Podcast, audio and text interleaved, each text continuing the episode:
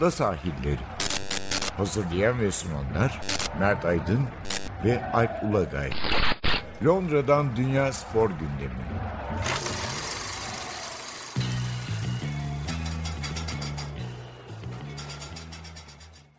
Ada sahillerinden merhabalar. Ben Alp Ulagay.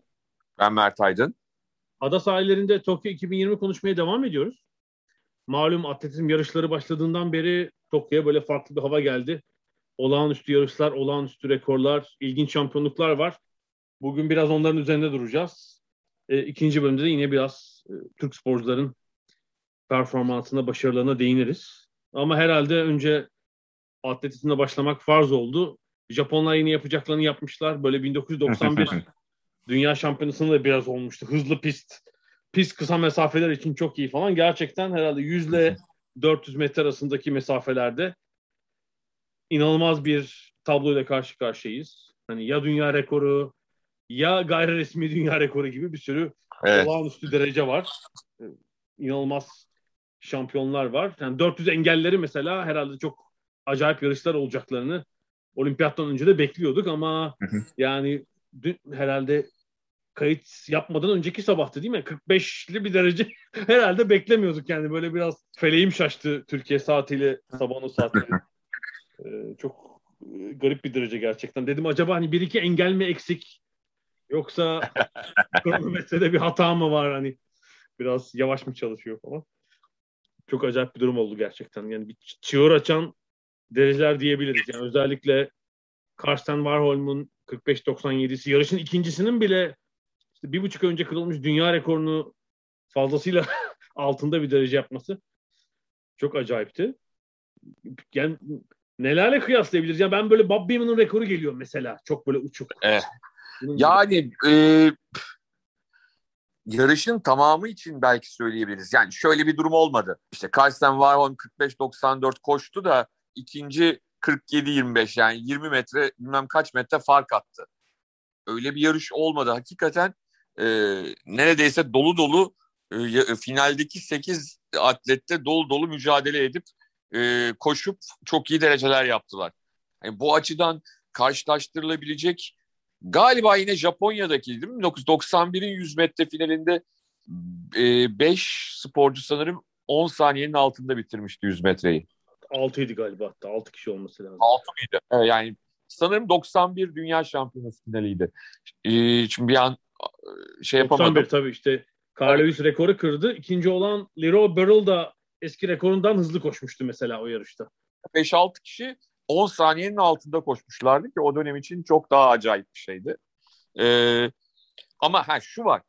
Yani bu pist normal bir pist olsaydı da bir dünya rekoru kırılacaktı muhtemelen. Yani çünkü artık hani e, Karsten Warholm'ün Oslo'da kırdığı rekorun onun potansiyelini tam yansıtmadığını herkes biliyordu. Hani bir Ray Benjamin eklendiğinde işin içine Dos Santos, Abdurrahim Samba falan bunların hepsi eklendiğinde çok daha acayip bir dünya rekoru gelebileceğini zaten hissediyordum.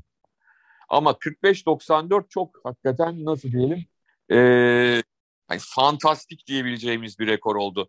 Mesela yarışı izlerken de e, Benjamin'in onu zorlayışı tamam dedim hani 46-30'lara falan indirecek. Hani benim e, benim e, kafamdaki abartılı e, rekor 46-30'lardı. Yani benim hayal gücüm yetmedi yani bu, bu derece.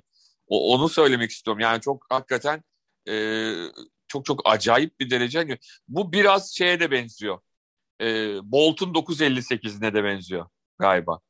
Yani çok heyecanlandık ama ondan sonra hem Bolt bile kıramadı o rekoru. Yaklaştı ama kıramadı.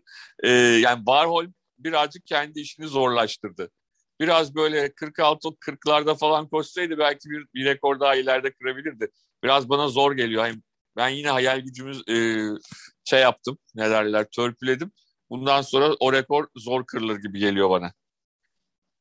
Michael Johnson'ın 1996'daki 200 metresi için de biraz böyle düşünmüştük. Hatta yani sadece biz değil herhalde işte bir takım analiz yapan kitaplar var, araştırmacılar evet. var. İşte diyorlar ki hani bir kuşak boyunca kırılmaz ama tabii Bolt'un çıkacağını öngörmemişlerdi 90'ların sonunda.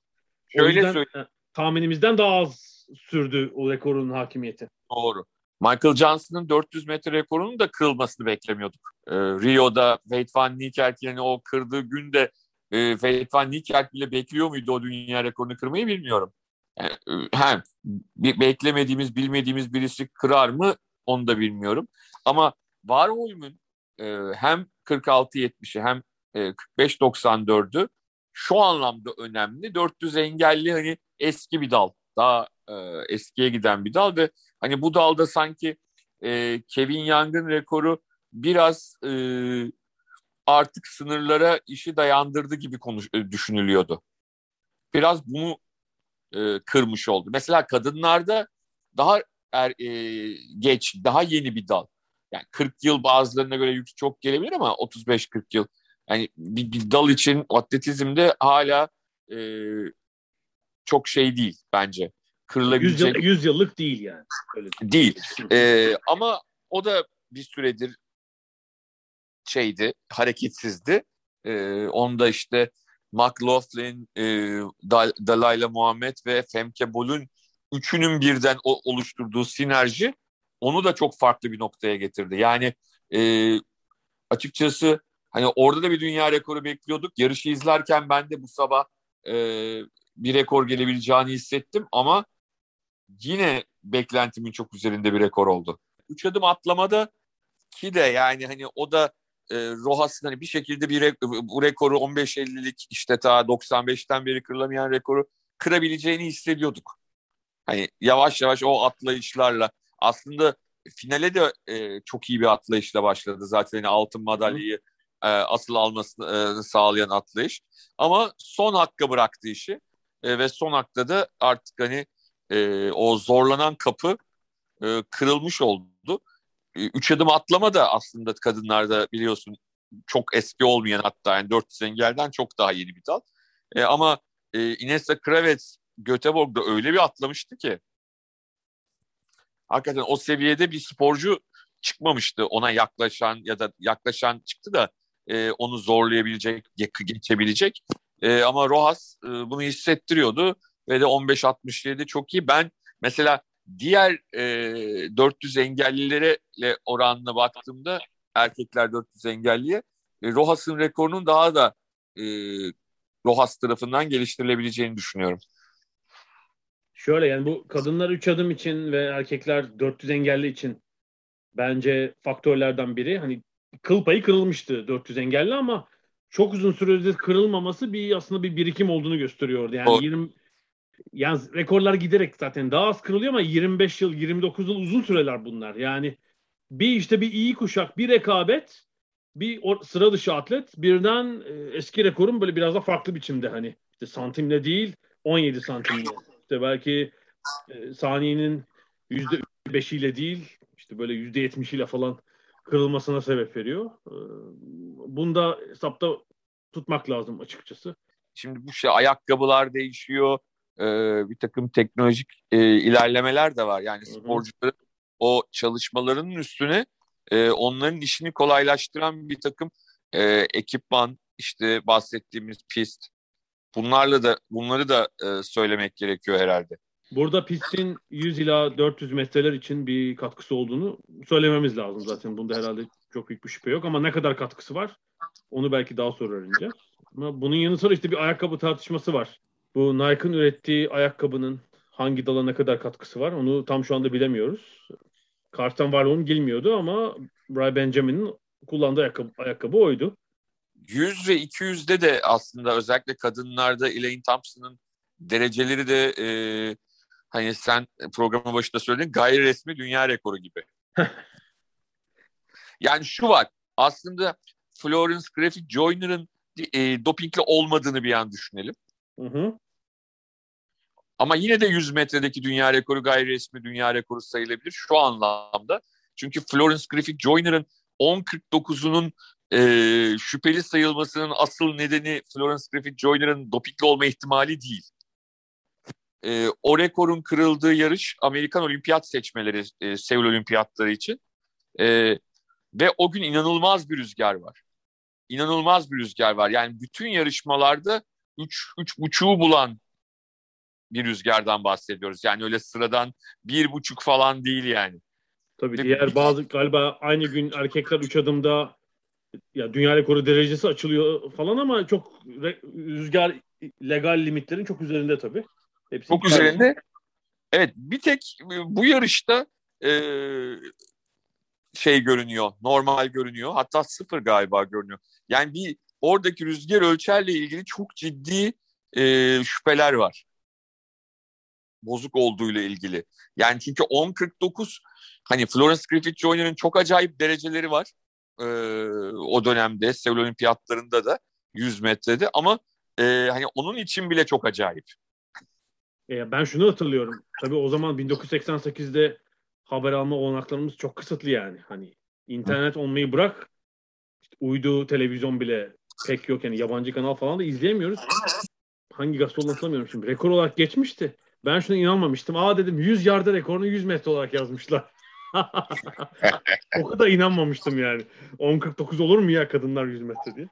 Evet Ama o yüzden asıl takıldığım hani Florence Griffith Joyner'ın tabii çok kariyerinin o yılının çok bence şaibeli olması. Yani rüzgara falan yere çekiyor. O rekorların silinmesi lazım. Bilmiyorum nasıl olur. Ama yani e, şöyle bir şey var. Kanıtlayamadığım bir şeyi de silmek çok zor ya. Şunu da ya, şu da yapılmıyor. Hani Doğu Almanya'da işte birçok Doğu blok ülkesinde herkesin net olarak bildiği bir hani işte duvar yıkıldığında ortaya çıkan belgelerde belirtilen şeylere rağmen bir takım rekorlarda silinmiyor. E, Florence Griffith Joyner'la ilgili şüphenin yüksek olduğu kesin ama hani e, sadece şüphe var diye de e, rekoru silemiyorsunuz. Tabii işte bir şey lazım. Hani birisinin bir veri sunması lazım. Diyecek ki antrenörü yapmıştık falan. Öyle bir şey diyecek. Yani tabii tabii yani olur. itiraf olması lazım. Tabii. Ya e, hadi 100 metrede işte biraz yaklaşılabildi 200 metrede. E, kadınlardaki atma rekorlarını düşün. Yani yanından geçemiyorlar şu andaki atletler. Tabii tabii. Yani erkekler bir de işte yeni şey ne derler gülle atmada falan. Bu arada olimpiyatların e, ertelenmesinden faydalan atletlerden biri Elaine Thompson. Yani geçen sene olsaydı olimpiyat muhtemelen hmm. derecelerin yanına bile yaklaşılmayacaktı. Belki Jamaika şampiyonasına bile zorlanırdı. Ama şimdi çift olimpiyat şampiyonluğu kazandığı gibi tarihe geçti. Hani bunu ikinci kez yaptı bir de. Double double yaptı. Double double gerçekten. Yani 100 metrede yapan vardı ama ikisini birden yapan yoktu. Bu bakımdan ayrı bir yeri var. Bir de Amerikalıları hani kadınlarda duman etmeye devam ediyorlar tabii. Evet, evet. Yani zaten 100 metrede direkt e, yaptılar. 200 metrede de değil mi? E, yine tarihi bir e, hata olmasa e, yine 3 Jamaikalı finalde koşacaklardı. Ha, şey, Sherika Jackson'ı diyorsun. Evet. Yani sağına bakmayı unuttuğu için elendi. evet gerçekten e, hani bu seviyedeki zaten hani olimpiyat üçüncüsü olmuş bir atletin pek yapmaması gereken bir hata gerçekten. Bu arada hani bir İtalyanların da günü oldu. Yani hem 100 metrede yaptıkları sürpriz ama herhalde en ilginci yüksek atlamanın bitişi oldu. Yani olimpiyat evet. tarihinde ilk defa olan bir şey bu. Sanıyorum daha evvel 1908'deki sırıklı atlama finalinde olmuş. Hakemler yarışmayı bitirmişler yani bir baraj yapmamışlar artık. Çok uzun sürmüş yarışma. Ama onun dışında ilk kez oluyor böyle bir şey. Yani hatta World Athletics'in kurallarına göre bir baraj atlayışı olması lazım ama e, Türk hakem Cam Korkmazoğlu orada onlara bir seçenek verdi ve Tambe evet. ile Barşim bence çok tatlı oldu yani. Böyle iki tane evet. yakın dostun bu fırsatı kullanması, beraber altın alması, birbirlerine madalyayı takması falan. Çok tatlı bir olay oldu yani. Çok duygusal bir an oldu.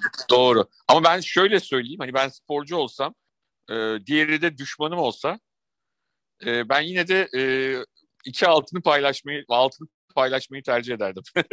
yani öyle bir riske girmenin anlamı yok. İki tarafın da altın alabileceği bir durumsa hani karşı taraf hiç sevmediğim biri bile olsa. Ben burada John Nash'e danışmayı tavsiye ediyorum. Oyun teorisi üzerine. ya hangisi, nasıl kazanırsın? Hangisi riskli? Tabii yani o, o riske girer misin? Peki, tabii canım yani hani karşıdakinin dostu olması ayrı bir güzellik de. Hı hı. O zaten hani e, hani Tamberi'nin e, üstüne atlaması falan filan çok güzeldi. Ama diğer taraftan da e, yani bu seçenek varsa böyle bir riske girmenin de çok fazla bir anlamı yok. Çünkü hani bu şey değil yani hani Balkan şampiyonası falan değil. Yani olimpiyat şampiyonluğu. Şeyi kontrol ettim sonra yani doğru hatırlıyormuşum. 88 Seul'de Stefka Kostadinova bu sebeple olimpiyat altını kaçırmıştı mesela. Sürpriz Amerikalı Louis Ritter'la evet. galiba 2-0-3'ü atlayamadılar. Baraj atlayışı oldu. Şey atlayamadı. Kostadinova dünya rekortmeni olduğu halde. Gümüşte kalmıştı. İşte aradan geçen 33 senede biraz küçük uygulamadaki değişiklik iki atlet de sevindirdi gerçekten. Ama yani ondan daha büyük sürpriz herhalde 100 metredeki oldu. Onu söylemek Hani bir yarı Amerikalı bir İtalyanın. Aslında yarı Amerikalı ama iki yaşında itibaren İtalya'da yaşadığı için e, açıkçası. Kültürel olarak tam bir İtalyan yani kültürel evet, olarak. Evet. Yetişme tarzı olarak. İngilizce bilmiyor galiba hatta bu arada. Böyle anladım ben. Onu bilmiyorum, onu bilmiyorum ama e, sonuçta e, açıkça söylemek gerekirse hani o isimle e, ve o görünüşle e, tam bir İtal ayrıca da tam bir İtalyan olması ilginç. Hani ben ilk başta e, hani daha önce adını duymuştum ama hep şey düşünüyordum. Hani tamam annesi İtalyan ama babası Amerikalı. Amerika'da büyümüş olabilir. Hani Duplantis gibi hı hı. E, olabileceğini düşünüyordum ama e, öyle değilmiş. Öyle değil evet. Ben de işte herhalde iki ay önce İtalya rekorunu kırdığında biraz hani dikkatimi çekmişti. O bir çok küçük bir yarışmada galiba İtalya rekoru kırınca aa ilginç dedim.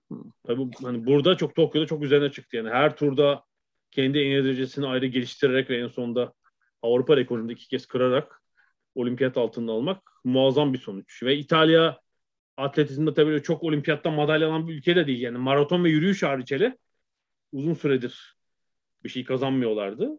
Ee, Pietro Mennea vardı işte. Alberto Kova var hatırlarsın. Tabii Alberto Kova uzun mesafeciydi. Yani mesafe. 200 metre dünya rekoru uzun süre evet. kırılmamıştı. O da e, Meksika'da yüksek rakımda kırmıştı o rekoru. E, Pietro Mennea vardı her zaman olimpiyat oyunlarında, dünya şampiyonlarında e, sprintte İtalya'da İtalya'da başarılı olan. Ama dediğin gibi çok fazla e, yoktu ama ben şunu gördüm. Hem yüzde hem de 200'de 200'de de Andre de Grasse e, Kanadalı altın madalya kazandı ki hani No Lyles'ın kazanması bekleniyordu. Lyles e, üçüncü olabildi. E, bronz madalya kazanabildi. Hala Bolt sonrası sancılar devam ediyor. Yani ya da e, belki de e, buna alışacağız. Hani tek bir patronun olmadığı e, bir 100-200 karşımıza da çıkabilir. Yani şey olarak şuna benzetiyorum. Derece olarak değil. 9.80 tabii çok iyi bir derece. Ama 2003 Dünya Şampiyonası'na biraz benzetiyorum. Evet. Kim Collins'in evet. Nevisli Kim Collins'in o Morris Green'den sonraki dönem kazandığı sürpriz Dünya şampiyonu ama 10-0 idi galiba. Berbat bir dereceydi. 10-0-3 10-0-3 sanırım. Ya yine de şu ilginç. ABD'li atletler 2004'ten beri olimpiyatta 100 metrede bir altın madalya kazanan, kazanamıyorlar. Tabii arada Bolt'a takıldılar. Bu sefer de yani asıl bir numara atletleri Christine Coleman'ın doping cezalı olduğu, olduğu için Aha. yarışmaması. Trayvon Bromwell'ın iyi bir bence yarışmacı olmadığı için elenmesi burada. Diğer ülkelerden gelen atletlere büyük bir fırsat verdi. Aslında 200'de de e, 2004'ten bu yana e, baş, e, altınları yok. O zaman da Sean Crawford almıştı Atina'da. Sonra zaten Bolt geliyor. Hani bu, bu alanda e, çok fazla da bir e, şansları yoktu. Şey de ilginç. E, 200'de gümüş alan e, Bednarek'ti. Hani şimdi soyad Bednarek siyahi bir atlet. E, Mersem evlat edinilmiş Hı. kardeşiyle birlikte. Bednarek ailesi tarafından. Yani e, çünkü Bednarek böyle Doğu Avrupa kökenli bir Tam soyad. bir Polonyalı ismi gibi evet. Gibi evet. E, ikiz kardeşiyle birlikte bir iki yaşlarındayken sanırım e, Bednarek soyadlı bir aileye tarafından evlat edinilmiş. E, ondanmış yani çünkü soyad ve görüntü pek birbirini tutmuyordu. ya şu ilginç. Sprint, erkekler sprint için e, Jamaika için de yani bol sonrası feci bir tablo tabii yani 100 metrede finalist yok 200 metrede bir finalist değil mi? Kadınların evet. tersine felaket bir sonuç yani. Evet. Yani Johan Blake'in de artık çok iyi durumda olmadığını da gördük. Yani bu biraz şey de tabii bu olimpiyat formatı hani 3 yarı final ve ilk ikilerin kalması formatı tabii çok riskli bir format. Yani özellikle sprintlerde işte sola bakmadın, sağa bakmadın birden geçilip yarı finalde final şansını yitirme ihtimali var. Yani bunun üç tur yapılması belki World Athletics'in dünya şampiyonlarında uyguladığı dört tur ama favori denebilecek ya da iyi dereceye sahip atletlerin hani ikinci turdan, çeyrek finalden başlaması formülü belki düşünülemez mi diye bir aklıma getiriyorum. Seri başı. Evet yani üç yarı final hele kısa mesafede bir böyle bir yadırgıyorum yani. Hani şeyi bekliyorum. İki yarı finalde ilk dört çıksın. Hani eski alışkanlık. bir ya da 3 artı 2. Mesela hiç olmazsa evet. 3 ilk üçler artı 2 olabilir. Bu tür bir ilk iki böyle bir kafamı karıştırıyor yani. E, benim bir de çok dikkatimi çeken bir isim. Ee, belki de o tarihi üzerinde 1500 tane soru işareti olan dünya rekorlarından birini ilerleyen dönemde kırabilecek bir isim Atink Mu 800 metrede. İnanılmaz bir nasıl diyeyim fizyonomi yani çok acayip değil mi? Gerçekten. Evet. Yani isim soyad da müthiş zaten. Tam böyle mu, mu kıtası şeklinde e, ve aldı götürdü yarışı. Yani e, açıkçası ben İngilizlerden izlemek durumundayım biliyorsun. Hı hı. E, yani onlar böyle bir çok havayla yarışa başladılar işte İngilizlerin e, acaba işte altın alır mıyız, altın gümüş duble falan derken Atikmu aldı götürdü yarışı. Ve de yani yaşı itibariyle ve bu gidişatla e, Yarmila Kratoşvila'nın Vilova'nın sadece artık bizlerin hatırlayabildiği o dünya rekorunu artık e, tarihe gömebilecek biriymiş gibi duruyor. Çok acayip. İşte tabii bu olimpiyatın ertelenmesinin böyle genç sporculara getirdiği bir olanak da var. Takvim öyle bir hale geldi ki atletler için yani atletizm sporcular için hı hı. gelecek yıl dünya şampiyonası var. Ondan sonraki yıl yine dünya şampiyonası var. Üst üste yani bu seneki hı hı. seneye ertelendiği için yani önce Eugene sonra Budapeşte. Evet. Bir olimpiyat var. Sonra bir daha evet. bir daha dünya şampiyonası var. Yani üst üste 5 yıl küresel olarak bu sporcular kendilerini test etmiş olacaklar ve böyle hani genç, parlayan, zaten bu yaştan en üst seviyeye çıkmış sporcular için acayip bir şans. Yani peş peşe dizebilirler mesela böyle bir işte iki olimpiyat, bir dünya falan. Böyle bir imkan var yani. Mu içinde tabii böyle bir fırsat olacaktır önümüzdeki yıllarda. Yani olimpiyata zaten 3 yıl var işte. Yok. Bu arada Sifan Hasan da inanılmazı deniyor. Biz tabii evet, yaptığımız. E, gün henüz henüz bir final koşmuştu ama 1500, 5000, 10000 üçlemesi zannetmiyorum üçünde kazansın. Yani 10 binde falan bir şey olur gibi geliyor ama şu ana kadar yaptıkları bile ona üstü. Yani zaten son tura girerken tabii, tabii. düşüp kazandığı 1500 serisi falan.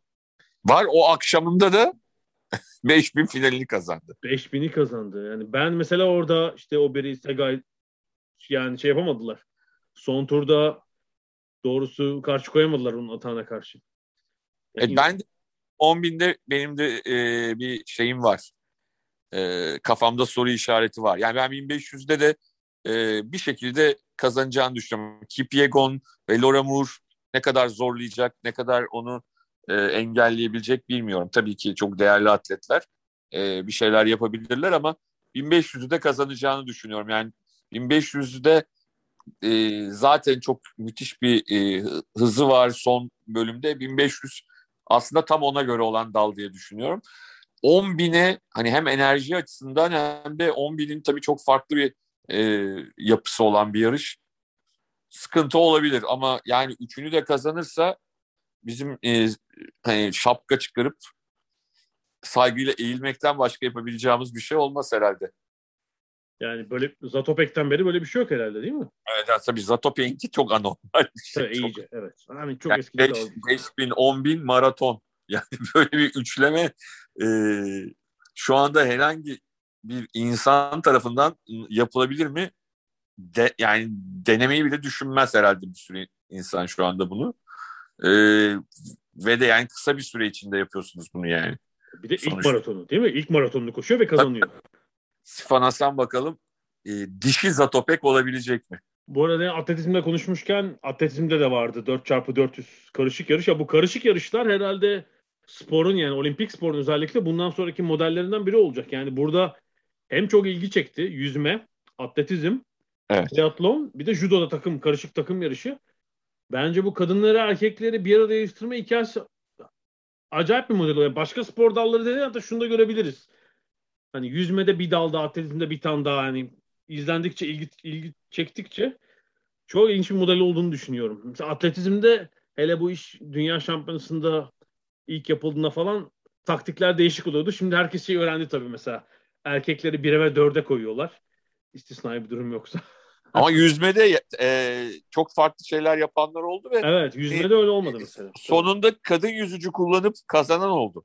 Ya bence çok başarılı bir model yani. Yok ben benim, benim de hoşuma gitti. Sadece tabii ki şey sıkıntısı var. Yüzmede değil. Yüzmede zaten takımlar en güçlü kadrolarıyla çıkıyorlar. Hı hı. Ama tabii ki atletizmde doğal olarak şimdi yüzme gibi e, sporcular işte her dakika koşamıyorlar tabii. E, o yüzden de hani bizim büyük ülkeler dediğimiz ülkelerin kadroları doğal olarak ikinci tercihlerle daha arkadaki isimlerden oluşuyor. Ele önünde koşacak yarış yarış olan atletler için yani şeyin başında atletizm yarışlarının başında böyle bir riski almak istemezler. Yani son gün olsa tabii, tabii, tabii. başka türlü olabilir ama Evet yani tek oradaki bence atletizm kısmındaki tek sıkıntı o. Yani şu anda atletizmde o altın, gümüş, bronzu alan sporcular normalde alabilir miydi? Ee, ya da normal takım e, şey bir takım kurulsa ideal takım olabilirler miydi hepsi? Ee, çok tartışılır yani. Bir tek benim kafamda o soru işareti var. Ee, onun dışında yüzmede hiç yok. Yüzmede zaten e, yüzmenin doğası gereği sporcular bir günde bir, birden fazla yarışı kaldırabiliyorlar. Bir tek kafamda o var ama onun dışında şey hoş. Yani özellikle o taktik e, ne yapalım nasıl gidelim falan filan çok güzel. Hani biraz erkek ve kadını aynı anda yarıştırabildiğin zaman daha enteresan oluyor gibi geliyor bana. Tabii bence şeyde de o mesela atletizmde de fark oydu. İşte son bayrağı mesela kadına koşturan takımlar ama bir elem seçmede galiba bir takımda gördüm. Nijerya olabilir. Onun dışında yapan kalmadı pek tabii. Her yan herkesi öğrendi tabii. İlk adam tabii ki çıkış yapan erkek olması bir avantaj. Yani karışık yani birbirlerine karşı koşsalar daha evet. ilginç oluyor. Bakalım yakalay- yakalayabilecek mi diyorsun. O zaman bu atletizm bölümümüzü kapatalım. Olağanüstü rekorları, yarışları konuştuk. Bir ara verelim. Aradan sonra da biraz Türk sporcuların derecelerine, performanslarına bakacağız.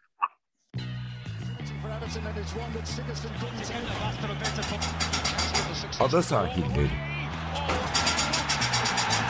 Londra'dan Dünya Spor Gündemi.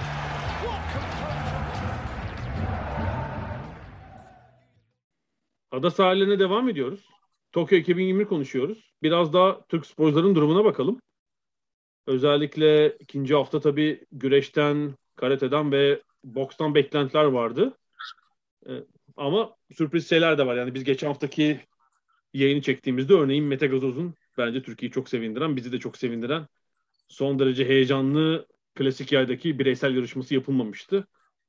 Sadece üst turlara çıkmakla kalmadı. Tecrübeli rakiplerini birbiri ardına eleyerek olimpiyat altını aldı. Türkiye'nin şu ana kadarki tek altını en azından biz kayıt yaptığımız e, saatlerde. Gerçekten çok heyecanlı. Ya burada şunu söylemem lazım. Okçuluk yeni bir spor değil olimpiyatta ama bu 2012'de bu set formatına geç, geçmeleri gerçekten okçuluğun çeyresinde yani büyük buluş yani kim yaptıysa onu Dünya Okçuluk Federasyonu'ndan bence büyük hikaye yani. Bu format değişikliği puanlama değişikliği diyelim. Yani elbette yine aynı uzaklıktaki hedefe aynı yayla atıyorlar ama işte bu puanlamadaki değişiklik bir set sistemi. Bu eskiden biliyorsun biz çocukken falan böyle toplam bir skora bakılırdı. Hesap Doğru. etmek mümkün değil yani. Şimdiki her 3 atış. Çok net yani. Kendin zaten görüyorsun. Bir sonraki 10 atarsa kazanır. 8 atarsa bu seti verdi falan. Çok olumlu bir şey olmuş. Tabii yani sporun izlenilirliğini de kolaylaştırıyor. Yani hem sporcuları rahatlatıyor. Yani sporcu ne yapacağını daha iyi anlıyor. Hem de izleyenler için de e, çok çok büyük bir avantaj. E, biz de Mete sayesinde okçuluğun tüm kurallarını öğrenmiş olduk. yani çeyrek finalden itibaren Amerikalı Ellison, sonra Japon Furukawa ve Finalde de İtalyan Nespoli'yi eleyerek geldi. Yani rakiplerinin yaş ortalaması ya 32 ya 33. Yani 10 yaş neredeyse büyükler Mete'den. Yani bu da aslında şunu gösteriyor. Hani çok rahat iki olimpiyat, belki üç olimpiyat e, kazanabilecek şeyde yaşta. Şimdiden bir deneyimi var. Yani iki olimpiyata katılmış bir sporcu.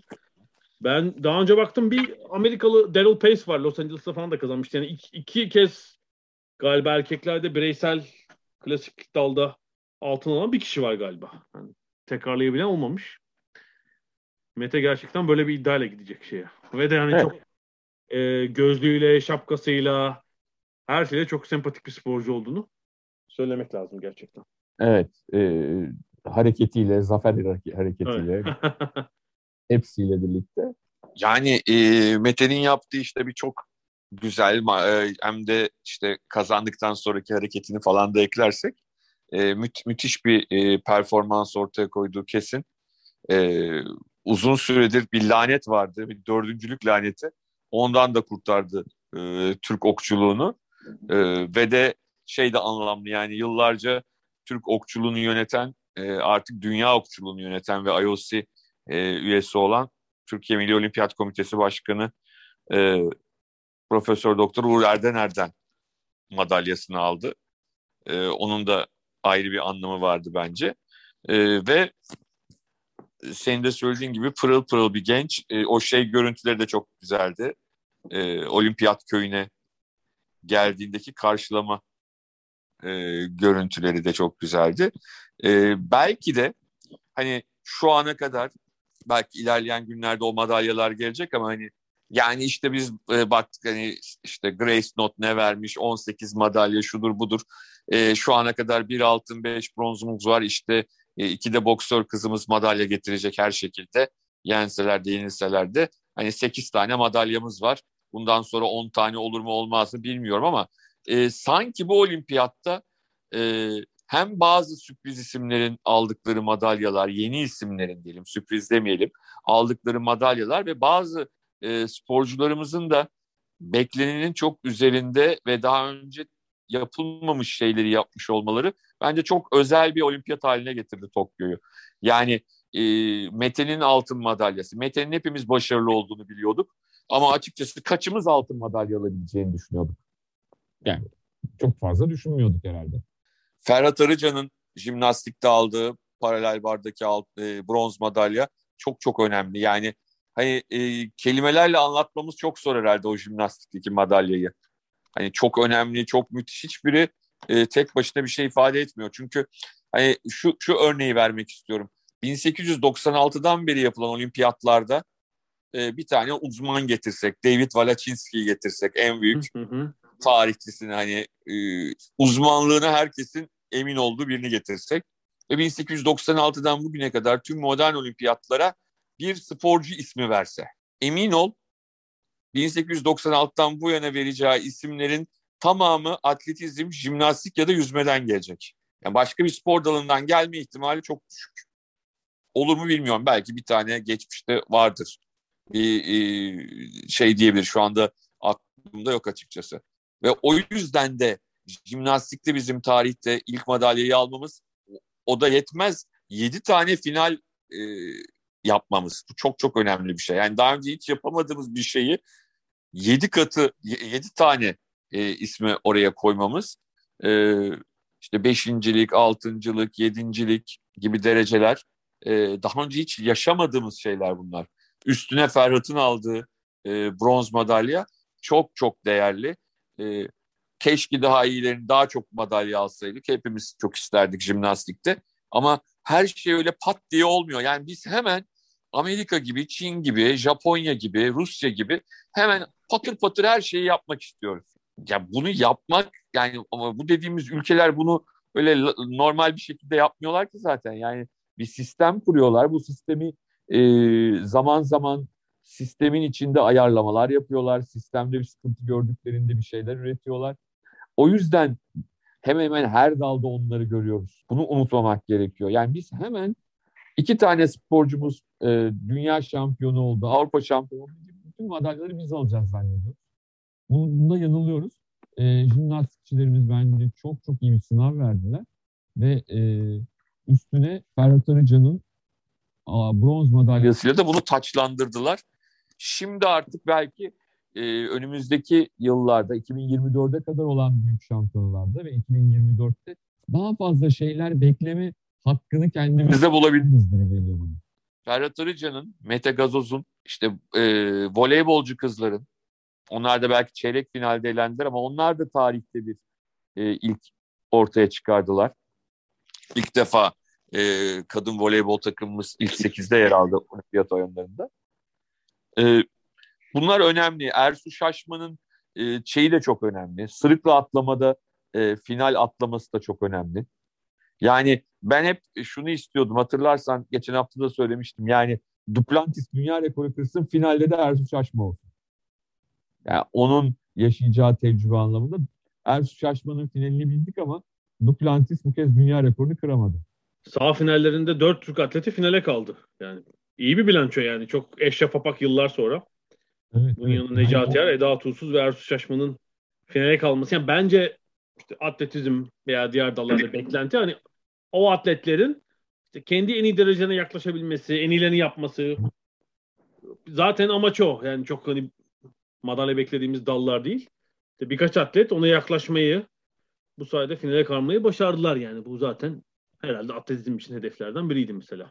Yani Jimnastik Apak- için de yani bundan sonra beklenti şu olacak. Tabii mesela bu kuşak, bu sporcu kuşağı Ferhat ne kadar devam eder bilemiyorum. E, 28 yaşında çünkü. E, Yani daha iyi bu jimnastikte de sporcuların ömrü uzadı ama hani 3 yıl sonra belki olimpiyatta olacak ama sonrasında olmayacak. İşte alttan yeni kuşak gelip gelmediğini görmemiz lazım. Şimdi Doğru. bu hani sadece İzmir Şavkar Spor Kulübü'nün çabasıyla olan bir olay mı İzmir'de sporcuların yoksa bir devamı var mı? Ben onu görmek isterim açıkçası. Ben ben biraz mesela biraz ona, ona odaklandım. Yani çünkü tüm sporcuların aynı yerden çıkması e, bir Ferhat Göztepe'den ama. ama o da İzmir'den. İzmirli. Evet evet. Yani Adem Asil de işte Türkiye'ye geldikten sonra o da Şavkar'a girmiş. Devamını görmek isterim. Voleybola dair bir şey.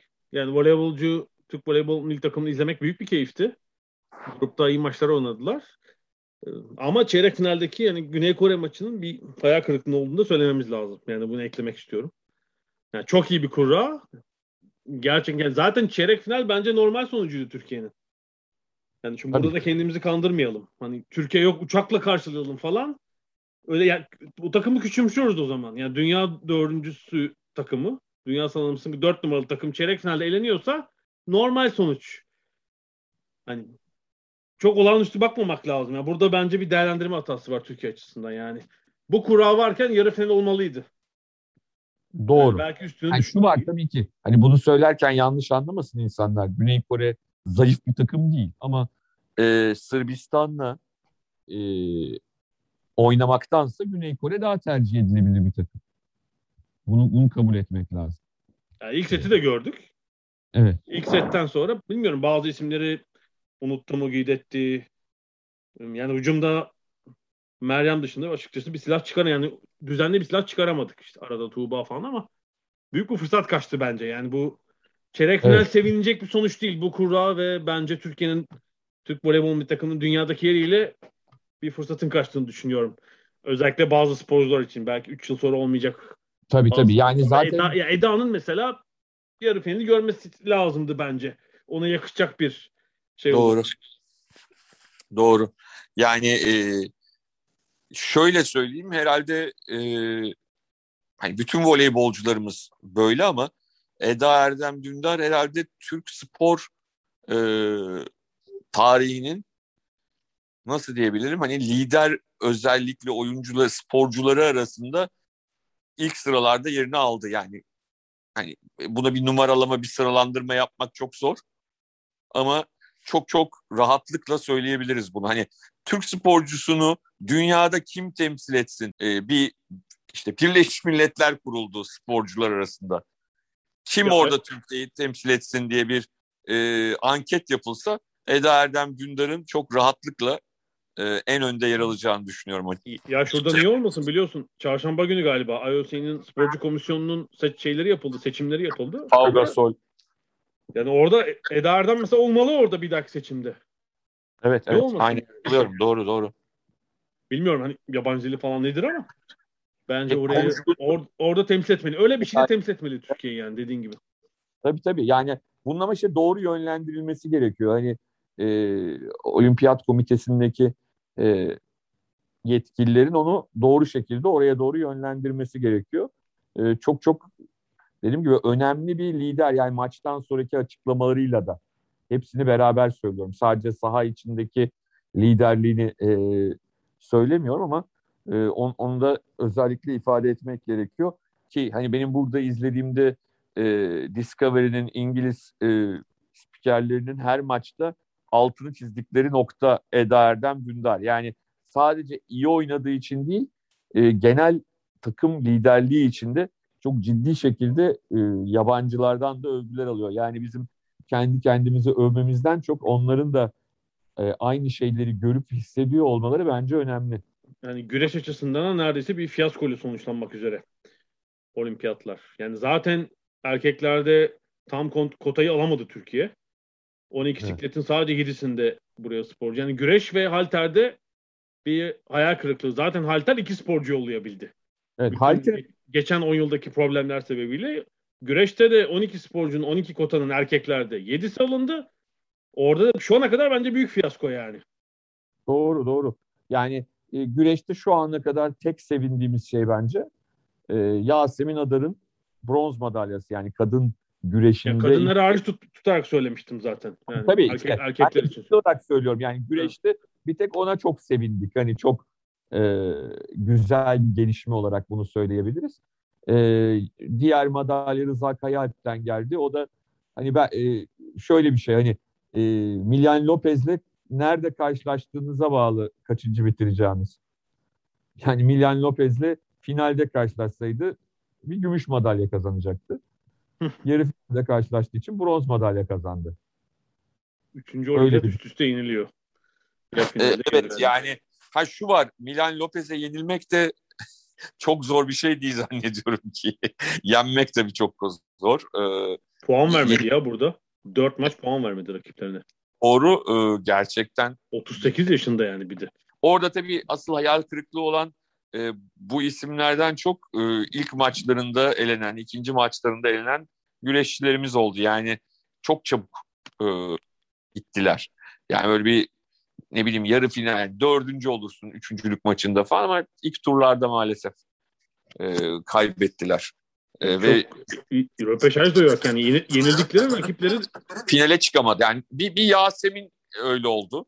Hani zaten Rıza yarı finalde elenmişti ama Yasemin e, daha erken elendi ama rakibi finale kadar gitti. O yüzden o repesaj yapma şansına sahip oldu ve hani anlaşıldı ki belki de e, o rakibiyle eşleşmemiş olsa finale kadar giderdi.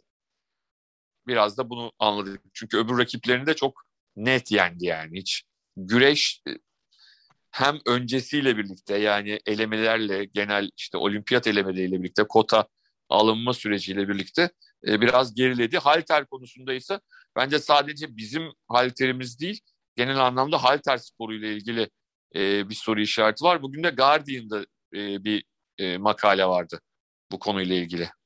Yani halter sporunun e, genel anlamda e, popülaritesini ve de neredeyse nasıl bir kelime kullanayım çok da şey olmasın, rencide edici olmasın. Hani meşruiyetini diyeceğim çok e, ayıp olacak. Ama e, ciddi anlamda popülaritesini diyeyim kurtarayım e, kaybettiğini ve e, giderek daha düşük profilli bir spor haline gelmeye başladığını görüyoruz. Türkiye'nin de tabii bu halter ve güreş gibi geleneksel spor dallarındaki biraz başarısız olimpiyat Türkiye'nin sporcu profilinin değiştiğini de gösteriyor. Mesela atletizm ve yüzmede önceki olimpiyatlara göre kalabalık kafileler var ama mesela işte okçulukta madalya geldi. Kadınlar boksta madalya gelecek. Kadınlar güreş, madalya.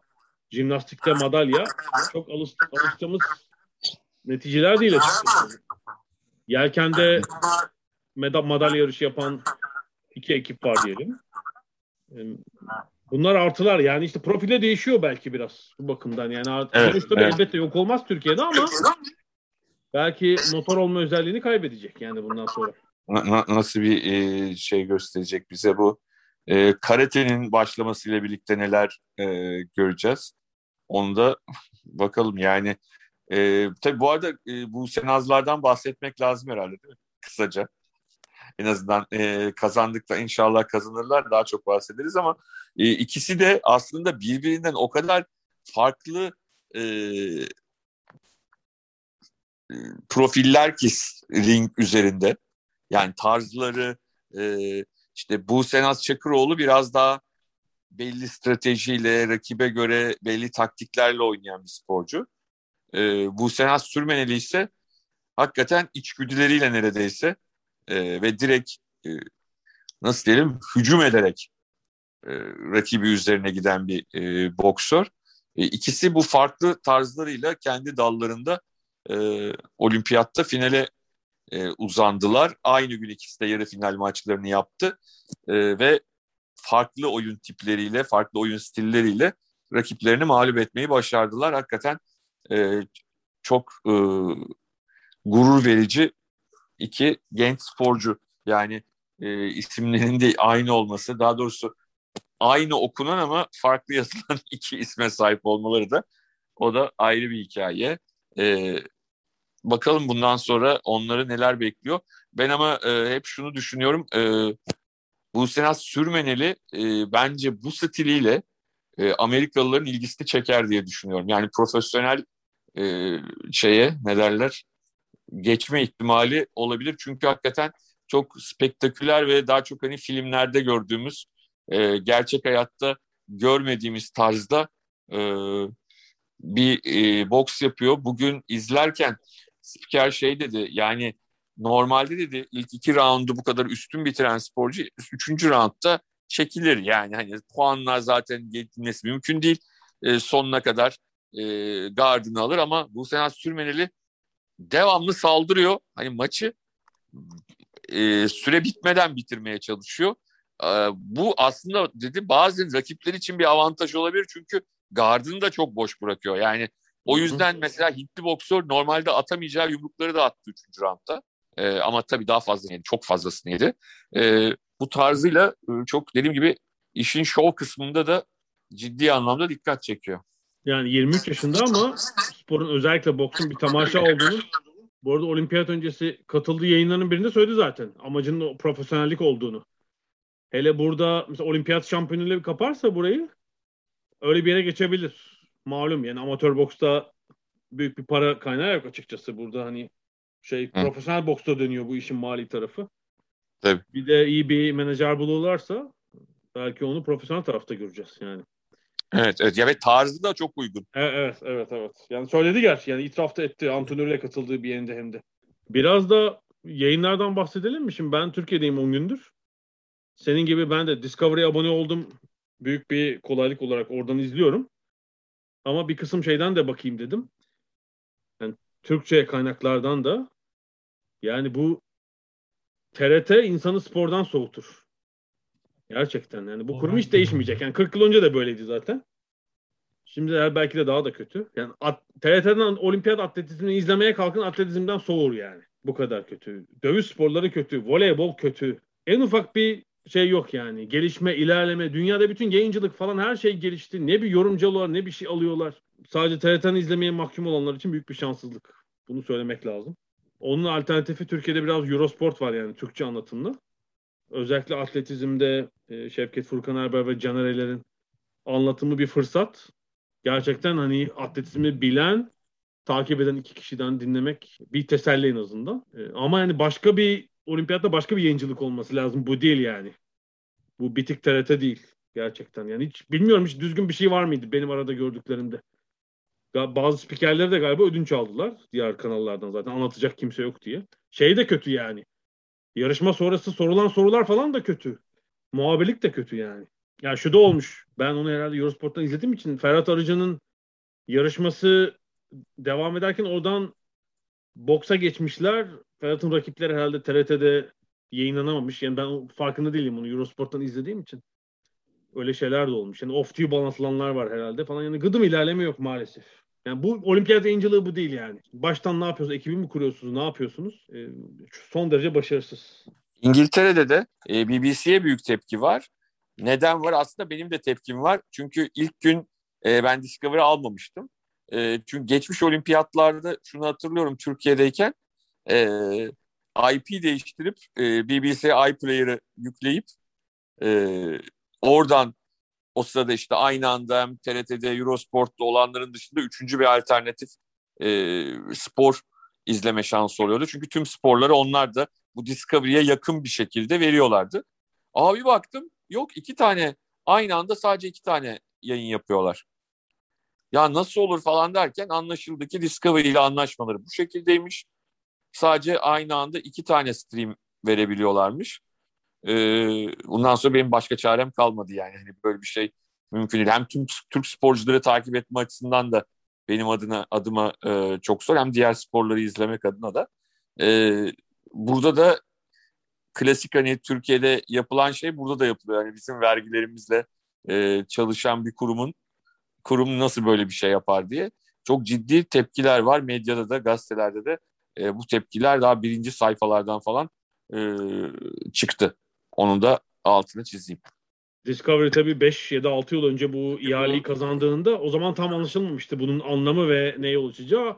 İngiliz halkı da bu son anda fark etti galiba. BBC'de önceden herhalde net bir şekilde duyurmadı ama şimdi olimpiyat sırasında anlaşılıyor. Yani BBC tabii Discovery'nin verdiği, Discovery grubunun verdiği meblağ çıkamadığı için bir sürü karşılaşmayı yayınlayamıyor. Yani belki İngiliz sporcuların izledikleri var da diğerleri yok.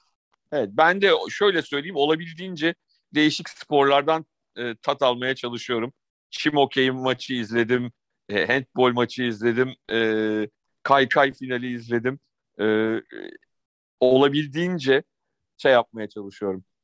E, normalde çok fazla izleyemediğim e, spor dallarına da bir şekilde yer vermeye çalışıyorum e, şeyde olimpik izlemem sıra, izleme sırasında. Sanıyorum bu hafta tamamız. Olimpiyatın son 3-4 gününde de tüm sporculara başarılar dileyelim. Umarım harika yarışlar izleriz. Kalan günlerde atletizmde ve takım sporlarında da güzel finaller olur.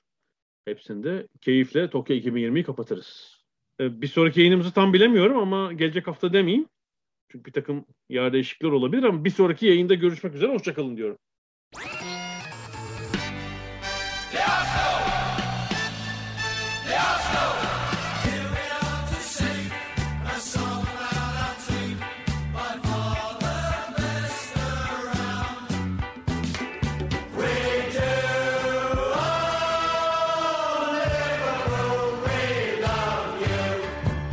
Ada sahilleri. Hazırlayan ve sunanlar Mert Aydın ve Alp Ulagay. Londra'dan Dünya Spor Gündemi.